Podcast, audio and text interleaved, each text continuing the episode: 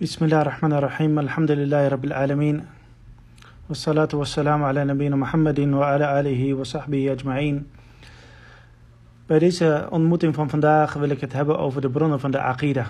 De bronnen van de geloofsovertuiging van de moslim.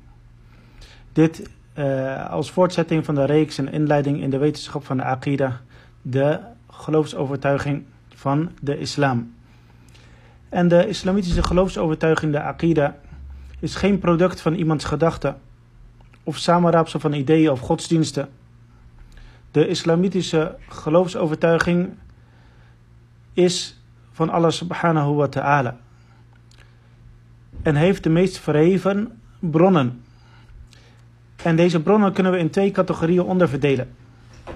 Deze twee bronnen, dat zijn primaire bronnen en secundaire bronnen. Dus dit zijn de twee categorieën van de bronnen van de Aqida. De primaire bronnen en de secundaire bronnen. De primaire bronnen van de Aqida, daar zegt Allah subhanahu wa ta'ala over in de Koran. وإذا تنازعتم في شيء فردوه, فردوه إلى الله والرسول إن كنتم تؤمنون بالله واليوم الآخر ذلك خير وأحسن تأويلا En wanneer, wanneer jullie van mening verschillen over iets, breng deze dan terug naar Allah en de boodschapper. Dit is als jullie waarlijk in Allah en de laatste dag geloven. Dit is beter en het beste einde. Dus in dit vers van de Koran vinden we drie bronnen van de Aqidah. En deze drie bronnen die worden hier genoemd, dat zijn de terugkeer naar Allah. Dat wil zeggen, zijn boek. Dus wanneer jullie van mening verschillen over iets, breng deze dan terug naar Allah. En dat wil zeggen, zijn boek, en dat is de Koran. En de terugkeer naar de profeet Mohammed sallallahu alayhi wasallam. Dat wil zeggen, naar hem persoonlijk tijdens zijn leven en naar zijn sunnah, naar zijn dood en overlijden. En de derde bron, dat is de consensus, de ijma. Dat wil zeggen, uh, de algemene consensus van de moslims, in het specifiek van de zelf, de eerste drie, drie, generaties van de islam, de metgezellen van de profeet sallallahu alayhi wasallam en hun leerlingen en de leerlingen van hun leerlingen. Deze eerste drie generaties, wanneer zij een consensus hebben over iets, wanneer zij het eens zijn over iets, dan is dit een bron van de Aqida, een bron van de geloofsovertuiging van de, van de moslim. Naast het boek van Allah, de Koran, en naast de sunnah van de profeet sallallahu alayhi wasallam. Want in dit vers dat ik heb genoemd, en wanneer jullie van mening verschillen over iets, breng deze dan terug naar Allah en de boodschapper. Dit is als jullie waarlijk in Allah in de laatste dag geloven. Zegt wanneer jullie van mening verschillen over iets. Dus wanneer zij niet van mening verschillen, en in dit geval met name de metgezellen van de profeet sallallahu alayhi wasallam, degene die leefde in de tijd van de openbaring. En degene die worden bedoeld uh, in eerste plaats met deze openbaring en deze aanschouwden en deze hoorden met hun eigen oren, oren van de profeet sallallahu alayhi wasallam. Wanneer zij over iets eens zijn, dan hoeven zij dit dus niet terug te voeren naar de Koran of naar de sunnah van de profeet sallallahu alayhi wasallam. En dat geldt ook voor, de, voor ons. Dat wij, wanneer wij een ijma, een consensus uh, waarnemen bij de zelf, bij de metgezellen van de profeet sallallahu alayhi wasallam, en de mensen die, hem, die mensen die hen volgen, van de mensen van kennis, van de geleerden van de islam. Wanneer er geen meningsverschil is, dan is er dus een consensus. En dat is dus een bron van de, van de aqida. En om, verder, om dit uh, verder uit te leggen, de eerste bron is dus de Koran. De eerste bron van de primaire bronnen van de aqida is de Koran. En de Koran is de eerste en voornaamste bron van de geloofsovertuiging, zonder enige twijfel. Want de Koran is het woord van Allah, dat werd geopenbaard aan de profeet Mohammed sallallahu alayhi wasallam. En waarvan het reciteren ervan een daad van aanbidding is. Dat is de Koran, het woord van Allah subhanahu wa ta'ala geopenbaard aan de profeet Mohammed sallallahu alayhi wa sallam. Dus alle moslims, zij zullen de Koran als bron erkennen voor hun religie. En zij zullen terugkeren naar de Koran. Dat zijn, daar zijn ze het allemaal over eens. Echter, ze kunnen verschillen in de manier van bewijsvoering uh, met de Koran. De manier of de manager of de methode van bewijsvoering. En ook hier geldt de beste en de meest correcte bewijsvoering en methodologie is de uh, weg en de wijze van de eerste generaties van de moslims. En alle moslims, ik ken geen enkele uh, moslim en geen enkele geleerde die zegt dat de Koran niet een bron is van de religie. Er is slechts één secte die bekend staat om uh, hun afwijzing van de Koran als een bron voor de religie en voor de aqida. En dat is de Shia Rafida. De Shia de Rafida. De extreme Shia. Zij uh, en hun companen, de mensen die zich op hun weg bevinden of nog extremer zijn dan zij, zij erkennen de Koran niet als bron voor de, voor de aqida. Want zij erkennen deze Koran niet als Koran. Ze zeggen dat deze Koran uh, niet de Koran is die is geopenbaard. En daarom accepteren zij de Koran niet. En volgen zij dus andere bronnen. Want als zij de Koran niet volgen, wat moeten zij dan volgen? Dan volgen zij hun imams en hun ayatollahs en hun uh, mullahs. Wat zij zeggen is waar. Wat er ook in de Koran staat, want zij erkennen de Koran niet. En er is geen twijfel over mogelijk dat degene die dit gelooft en deze weg behandelt, dat hij zich op een weg van ongeloof bevindt. De tweede bron van de Aqidah is de sunnah van de profeet sallallahu alayhi wasallam. En dat is de weg uh, van hem die ons is overgeleverd via zijn metgezellen. En verzameld in zijn overleveringen. Dat noemen ze al-hadith.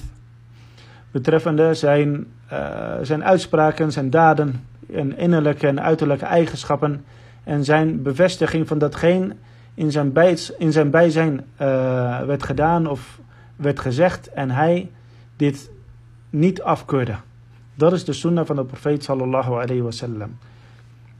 En dit is een bron van de aqidah, want Allah subhanahu wa ta'ala zegt hierover: La yantiqu anil hawa in huwa illa wahyu yuha. Hij spreekt niet uit begeerte. En daarmee wordt de, de profeet sallallahu alayhi wasallam bedoeld. Het is slechts een openbaring die hem werd geopenbaard. En Allah zegt ook in de Koran: anhu. En wat de boodschapper jullie geeft, neem het. En wat hij jullie verbiedt, laat het. En de profeet sallallahu alayhi wasallam zei hierover. Wie van jullie nog lang zal leven, zal veel meningsverschil aanschouwen. من يعيش منكم فسيرى اختلافا كثيرا فعليكم بسنتي وسنة الخلفاء الراشدين min ba'di. Dus als dit gebeurt, het vele meningsverschil, houd jullie dan vast aan mijn sunnah en de sunnah van de rechtgeleide geliefde na mij. Adu alayha bin nawajid. Dus beet hieraan vast, hierin vast met jullie hoektanden. Wayakum muhdathat al-umur en wees gewaarschuwd voor nieuwlichtingen. فإن كل محدثة بدعة en elke nieuwlichting is een bid'a. وكل بدعة ضلالة en elke innovatie is een dwaling. Dus dat is een bron van de aqidah, dat wij terugkeren naar zijn sunnah. En wanneer deze overleveringen van de profeet sallallahu alayhi wasallam, deze ahadith, authentiek bevonden zijn, dan zijn zij een primaire bron van het distilleren van de geloofsovertuiging. En het is dus niet toegestaan om deze sunnah, deze authentieke overleveringen van de profeet sallallahu alayhi wasallam te verwerpen. En niemand van de moslims die verwerpt de sunnah als bron voor de aqidah, behalve uh, enkele secten, uh, zoals de mensen die bekend staan, of die zichzelf ook uh, met deze naam soms benoemen, en dat zijn de Koraniyun. De mensen die zeggen, wij nemen alleen van de Koran, wij nemen niet van de sunnah. Dus wat er in de Koran staat, dat accepteren wij en verder niks. En deze uh, weg die ook sommige van de uh, modernisten in deze tijd en rationalisten en uh, zogenaamde verlichters bewandelen, is tegenstrijdig met de Koran.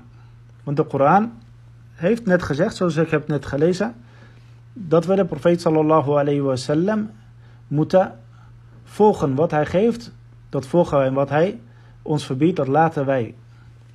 En ook Allah subhanahu wa ta'ala zegt, wa Allah wa ati'ur rasul. En gehoorzaam Allah en gehoorzaam de boodschapper. En hoe wil je bijvoorbeeld bidden zonder dat je uh, de sunnah kent? In de Koran staat het gebed. In de Koran wordt het vasten genoemd, maar er worden geen uh, speciale regelgevingen hoe je het gebed moet verrichten en hoe je dient te vasten. Dat wordt niet altijd allemaal in detail genoemd. Dus de sunnah fungeert als een uitleg van de Koran. En een specificatie van wat niet wordt genoemd in de Koran. En de Sunnah is ook een originele bron voor de ligi, zowel in Aqida als in al-Ahkam. De regelgevingen omtrent de daden van aanbidding en de daden van uh, transactie en uh, hoogstaand karakter en omgangsvormen, etc. De derde bron, de derde primaire bron van de Aqida, dat is de consensus, de ijma'. En dit is de consensus van de moslims, met aan het hoofd de Salaf salih de vrome voorgangers van onder de metgezellen en zij die hun weg volgen op de beste wijze. Want Allah subhanahu wa ta'ala is tevreden over deze metgezellen. Zoals Allah zegt, والسابقون الأولون من المهاجرين والأنصار والذين تبعهم بالإحسان رضي الله عنهم ورضوا عنه. Allah zegt en de allereerste van de emigranten, de helpers en zij die hen volgen uh, op de beste wijze. Allah is tevreden met hen en zij zijn tevreden met Allah. En zoals de profeet sallallahu alayhi wa sallam over hen heeft gezegd. Hij zegt, Khayran nasi qarni, Khayran nasi qarni, thumma yalina, yalunahum, thumma yalunahum. Hij zegt de mensen, of de beste mensen zijn mijn generatie. Dus de mensen die met hen waren, zijn met gezellen. En vervolgens zij die na hen komen, en vervolgens zij die na hen komen. En Allah zegt ook in de Koran, waarin hij ons opdracht om ons uh, vast te houden aan de weg van de metgezellen. De gelovigen in de tijd van de profeet Mohammed sallallahu alaihi wasallam. Hij, Allah zegt, وَمَنْ يُشَاقِقِ الرَّسُولَ مِنْ بَعْدِ مَا تَبَيْنَ لَهُ الْهُدَى وَيَتَّبِعْ سَبِيلَ غَيْرَ الْمُؤْمِنِينَ نوله ما تولى ونصله جهنم وساءت مصيره Allah zegt, wie de boodschapper tegengaat nadat hem de leiding is duidelijk geworden en een ander pad volgt dan het pad van de gelovigen, wij zullen hem laten volgen wat hij heeft gevolgd en we zullen hem laten branden in de hel. En wat een, beslechte, en wat een slechte bestemming is dit. En deze gelovigen in de tijd van deze openbaring van de Koran, van dit vers, dat waren de metgezellen van de profeet sallallahu alayhi wa sallam ta'ala anhum. Mogen alle tevreden met hem met hen zijn. En Allah heeft ons ook opgedragen om te geloven in hetgene waarin zij geloofden. Zoals hij zegt, bi mithli ma ataakum bi faqad hum fi shiqaq. Als zij zouden geloven in datgene waarin jullie geloven, dan waren zij recht geleid. En als zij zich afkeren, dan zijn zij in, uh, in tegenstand. En de profeet sallallahu alaihi uh, heeft ons opgedragen uh, om uh, de Khulafa al-Rashidin en zijn sunnah te volgen. De Sunnah al-Rashidin en Mahdiin min ba'di, zoals ik heb gezegd. Dus keer terug naar mijn sunnah en de sunnah van de rechtgeleide khalifa. Dus hou jullie hierin vast. En we zullen veel meningsverschillen zien. Maar degene die terugkeren naar het begrip van deze zelf, van deze metgezellen van de profeet sallallahu en de mensen die hen volgen, uh, zullen zich bevinden op de rechte weg. De weg van de profeet sallallahu wasallam en zijn metgezellen. Want we zullen ongetwijfeld veel meningsverschil vinden en veel secten uh, tegenkomen die zich allemaal toeschrijven aan de islam. Maar wie bevindt zich op de aqida van de profeet sallallahu alayhi wasallam? Dat zijn in eerste instantie dat zijn de metgezellen. En degene die zich hieraan vasthouden. En daarom zegt de profeet sallallahu alaihi wasallam, waarin hij ons aanmoedigt om terug te keren naar zijn sunnah en naar de sunnah van zijn metgezellen, of datgene waarin de waarop de metgezellen waren. Hij zegt, ummati ala 73 firqa. Mijn gemeenschap zou zich opsplitsen in 73 secten. Kulluha fin nar. Allen zullen zij in het helfuur zijn. Illa wahida. Behalve één. En zij zeiden, ja, dus de metgezellen, men hum ya Rasulallah. Wie zijn zij, o boodschappen van Allah? Qaal, hij zei, hum alladhina ala mithli ma ana alayh al-yawm wa ashabi. Zij zijn degene die zich bevinden op datgene waarop ik mij vandaag de dag bevind en ook mijn metgezellen. Dus deze bron, de, de consensus van de metgezellen, dat is een uh, primaire bron van de aqida van de moslim. En deze wordt in realiteit, ondanks dat, som, dat velen zeggen dat zij zich op deze weg bevinden, de weg van de metgezellen, deze wordt door veel mensen in hun begrip verworpen en ook in hun daden. Behalve de mensen die zich bevinden op de aqida van Ahl Sunnah, de mensen van de Sunnah wal Jama'a. En zoals ik heb uitgelegd in een eerdere les, de Jama'a, dat zijn in eerste instantie de metgezellen, degenen die zich verenigd hebben op deze aqida. En verenigd hebben ook op uh, het leiderschap dat zich uh, uh, volgens een shari, volgens een islamitisch correcte wijze over hen leiding geeft. En zij zullen niet afwijken hiervan. Dus heel veel van de secten die verwerpen deze, deze methode of deze bron. Ondanks dat zij zeggen dat zij hem volgen. En om een aantal voorbeelden te geven, dat zijn bijvoorbeeld de Jahmiya en de Mu'tazila en uh, bijvoorbeeld de Sofia, de extreme van de Sofia en de Ash'ariya en de Maturidiya uh, en vele andere uh, secten die claimen dat zij zich op de weg van de zelf bevinden, maar in hun distillatie van de akida, in hun begrijpen of bewijsvoering van de akida, keren zij zich tegen deze weg van de zelf, de consensus van de, van de zelf. Daarin onderscheidt Ahl Sunnah zich van deze andere secten en daarom worden zij ook wel as genoemd. En sommigen die erkennen de zelf wel als bron, maar geven voorrang aan uh, secundaire of valse bronnen boven deze primaire bronnen. Dus zij erkennen de Koran, ze erkennen de Sunnah en ze kennen de weg van de zelf, maar ze geven voorrang aan andere bronnen die niet primair zijn, die secundair zijn of zelfs valse bronnen zijn. Bronnen die we niet als bronnen voor de Akida mogen gebruiken. En daardoor wijken zij af van het rechte pad.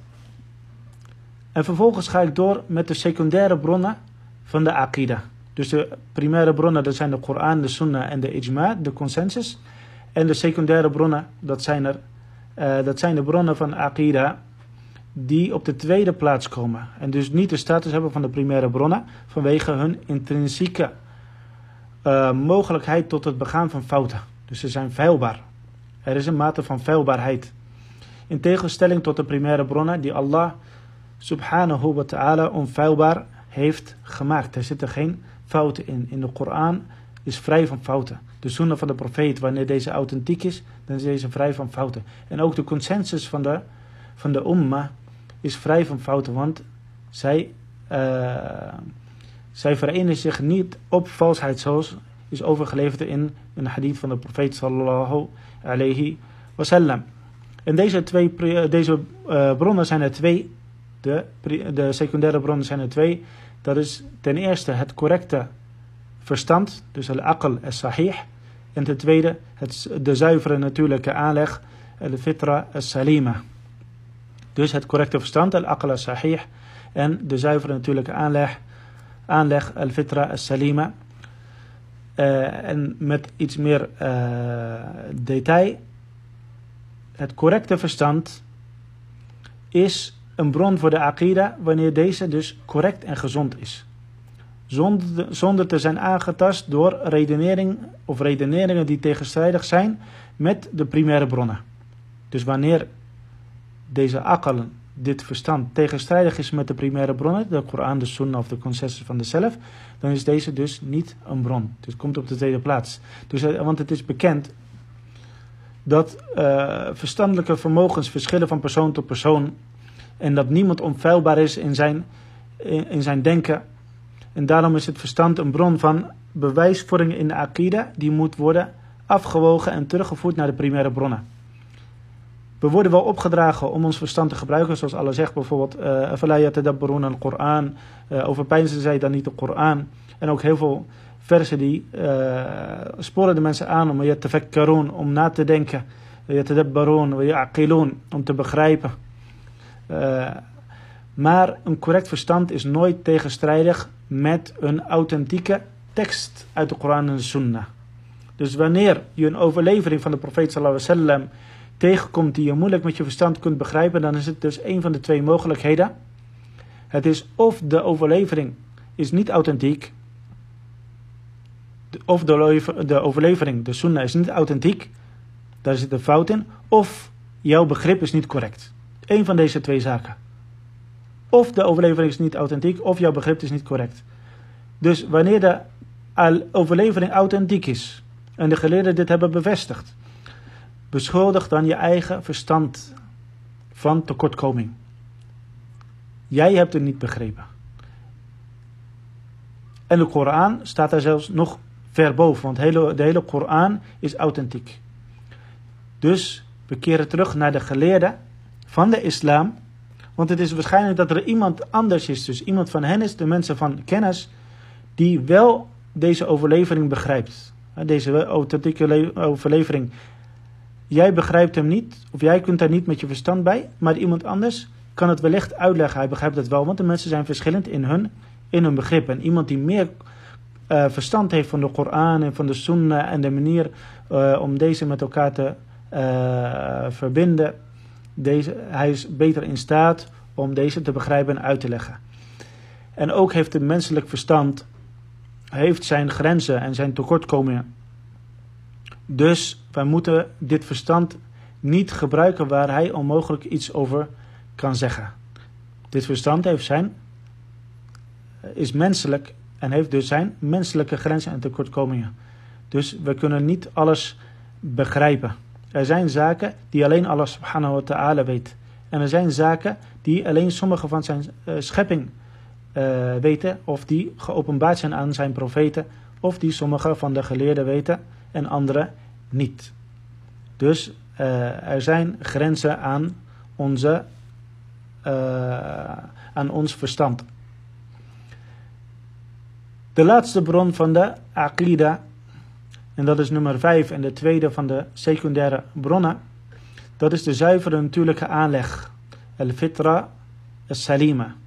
Want de mens, hij is geboren met een natuurlijke aanleg die nog zuiver is bij zijn geboorte en, ver, en vervolgens later is aangetast en gecorrumpeerd en veranderd.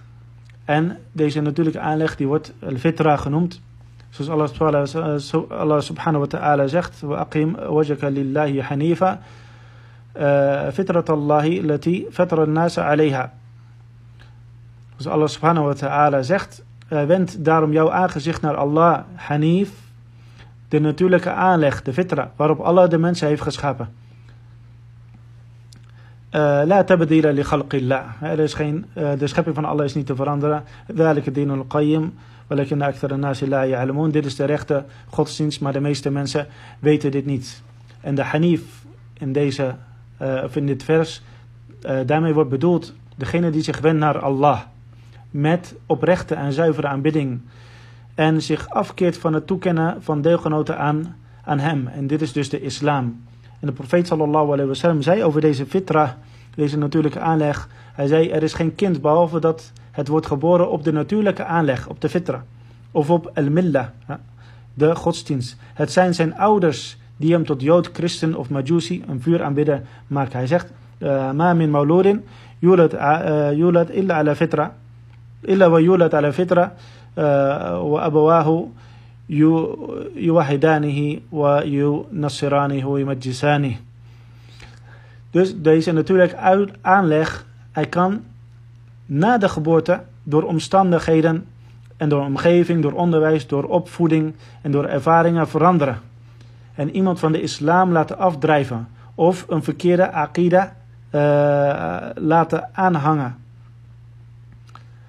Daarom is dit een bron van de aqida die feilbaar is. Een bron van de islamitische geloofsbeleidenis die feilbaar is.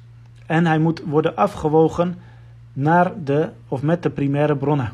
De Koran en de Sunnah en de ijma, de consensus van de, uh, van de salaf, van de vrome voorgangers. Ook is de natuurlijke aanleg uh, begrensd. Zoals ook het verstand begrensd is. En het heeft uh, opvoeding en onderwijs nodig om, op, om gedetailleerde kennis op te doen. Dus je kunt wel een algemeen algemeen, in de algemene aanleg een beeld hebben van de islam en van de belangrijkste vorm van de islam. Dat is de aanbidding van Allah subhanahu wa ta'ala alleen zonder deelgenoten. Maar de details, wellicht heb je daarvoor opvoeding en onderwijs nodig. Een profijt is wel dat alle mensen in essentie ontvankelijk zijn voor de islam. Want dat is hun natuurlijke aanleg. En ze zijn ontvankelijk voor de correcte akida, de correcte geloofsovertuiging. Dit uh, wanneer hun zuivere aanleg, hun fitra, uh, wordt geraakt en wordt aangeboord. Hè, in de vorm van dawa, uitnodiging. Nadat, nadat deze is afgegleden en veranderd. En uh, er allemaal dingen aan hebben afgedaan. En dit, wordt, dit gebeurt dat wanneer iemand terugkomt naar deze, of dat deze fitra wordt aangeboord en dat deze begint, te, zich begint te roeren en dat hij de waarheid herkent. Dit gebeurt wanneer hij wordt uitgenodigd tot de correcte, tot de correcte islam. En tot de correcte aqida, de aqida van de profeet sallallahu alayhi wasallam en zijn metgezellen. Wanneer iemand wordt uitgenodigd hiernaar, tot de, naar de correcte islam en wordt bevrijd van de ketenen van de shaitaan, van de satan, de duivel, dan zal deze fitra zich, zich roeren. Of die komt, die komt naar boven. Die wordt als ware wordt weer aangeboord of die wordt blootgelegd. En iemand zal daardoor uh, ontvankelijk zijn voor het accepteren van de waarheid.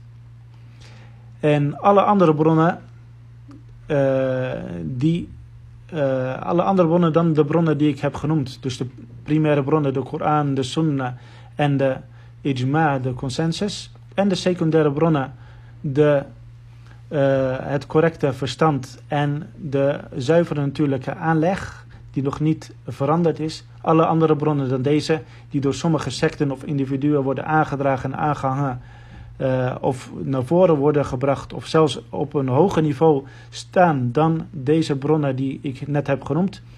Uh, deze zijn dus geen bronnen voor de religie en al helemaal niet voor de akida. En een aantal voorbeelden hiervan, dat zijn bijvoorbeeld uh, dromen, ontboezingen, ingevingen, mukashafat, ilham, uh, emoties, soms uh, verhaaltjes.